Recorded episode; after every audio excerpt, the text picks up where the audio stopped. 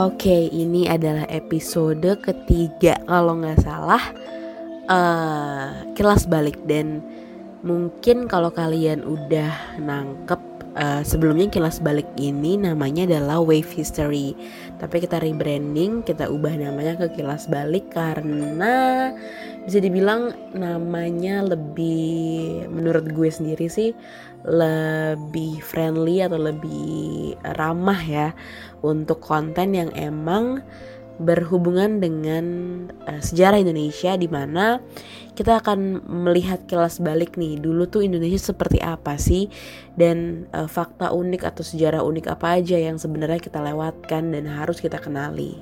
Oke, okay, untuk bisa dibilang ini episode spesial ya karena ini merupakan episode di mana uh, podcastnya diubah namanya ke kilas balik.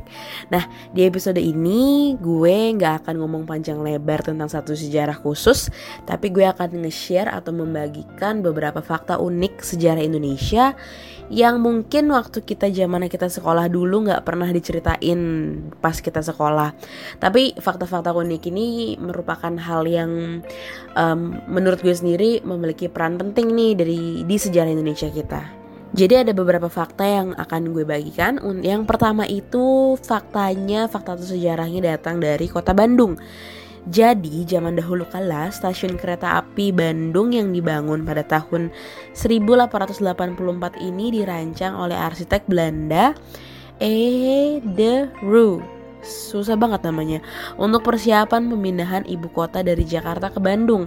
Jadi tuh dari zaman dulu tuh ada rencana bahwa ibu kota itu akan pindah dari Jakarta ke Bandung.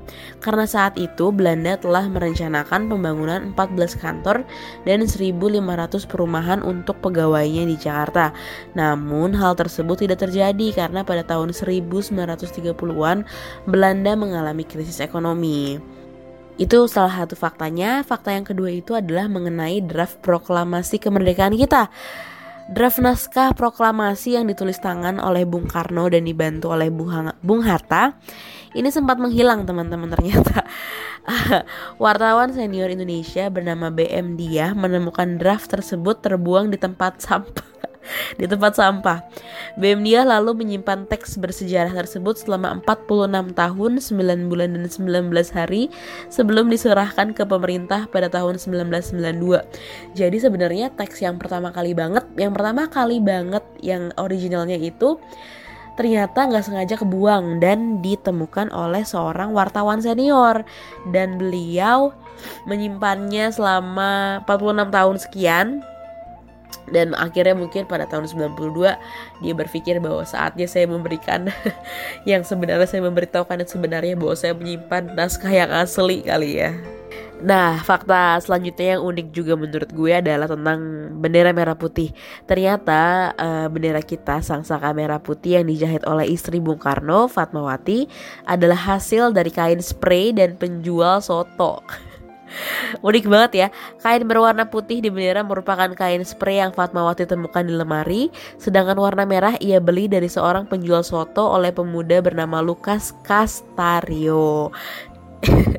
ini mungkin emang uh, bisa dibilang fakta-fakta ini fakta-fakta kecil tapi emang dan gue yakin nggak bukan nggak semua bahkan semu tidak ada mungkin tidak ada buku sejarah sekolah yang menceritakan tentang fakta ini karena mungkin tidak signifikan. Tapi uh, menurut gue penting juga nih untuk kita sebagai generasi muda untuk tahu tentang fakta-fakta ini. Nah, fakta selanjutnya adalah tentang dunia olahraga. Pada tahun 1938, Indonesia ternyata pernah ikut dalam jajaran tim yang bertanding di Piala Dunia dengan nama Hindia Belanda. Bahkan tim Hindia Belanda ini merupakan tim Asia pertama yang tampil di Piala Dunia 1938. Uh, sebuah koran Prancis Le Quepe gue nggak tahu itu bener apa enggak namanya. Edisi 6 Juni 1938 sempat menceritakan bahwa gaya menggiring bola tim Hindia Belanda sangat brilian tetapi tidak cukup baik untuk dipertahankan Nah, fakta terakhir yang unik dan agak sedikit aneh ini adalah datang dari uh, Pulau Sumatera. Pada tahun 1292, Marco Polo terkejut melihat masyarakat yang memakan daging manusia. Hal ini ia temukan di pesisir Pulau Sumatera Indonesia. Di daerah tersebut, jika ada kerabat yang sakit, maka akan dipanggilkan penyihir untuk memeriksa penyakit tersebut. Kalau penyakit tidak dapat disembuhkan, maka dipanggilkan orang khusus untuk membunuh kerabat yang sakit sakit. Setelah itu dagingnya akan dimasak dan dimakan bersama-sama. Ngeri juga ya. Berarti itu zaman dulu sebenarnya ada uh, tradisi kanibal di Indonesia. Mungkin sekarang juga ada, gue nggak tahu. Mungkin ntar kita next time bisa ngobrol tentang itu. Uh, apakah ada adat atau suku yang masih uh, menggunakan atau masih melestarikan budaya ini? Kita nggak pernah tahu. Tapi zaman dulu ternyata ada di pesisir Pulau Sumatera uh, kebiasaan untuk memakan daging manusia yang mungkin memang kerabatnya sakit. Mungkin zaman dulu kalau aneh kata ada yang sakit aneh-aneh dan belum ada obatnya, mungkin orang langsung berpikir bahwa penyakit itu nggak bisa sembuh. Jadi mereka langsung ya udahlah makan aja. Gue tidak, gue nggak mengatakan hal ini. Hmm, menjadi hal yang dapat menjadi lelucon karena agak sedikit serem juga menurut gue. Tapi ntar kita bakal nyari tahu bareng apakah di Indonesia sekarang masih ada adat yang uh, menggunakan kanibalisme sebagai uh, adatnya atau sebagai kebiasaan mereka sehari-hari. Jadi untuk edisi kilas balik hari ini itu cukup segitu dulu uh, ini agak singkat singkat kalau dibandingkan dengan edisi yang lain, edisi sebelumnya. Mungkin kalau andai kata teman-teman ada yang punya ide untuk kita ngebahas apa nih sejarah apa nih next time, itu bisa langsung ke Instagram kita di 8 Wave Suara atau juga bisa langsung ke website kita di www how many W did I say? Jadi www.wavesuara.com eh, dan kalian juga jangan lupa untuk uh, dengerin uh, podcast-podcast dari oleh web suara yang lainnya karena kita banyak banget menciptakan podcast original yang tentunya memiliki konten yang sangat berkualitas.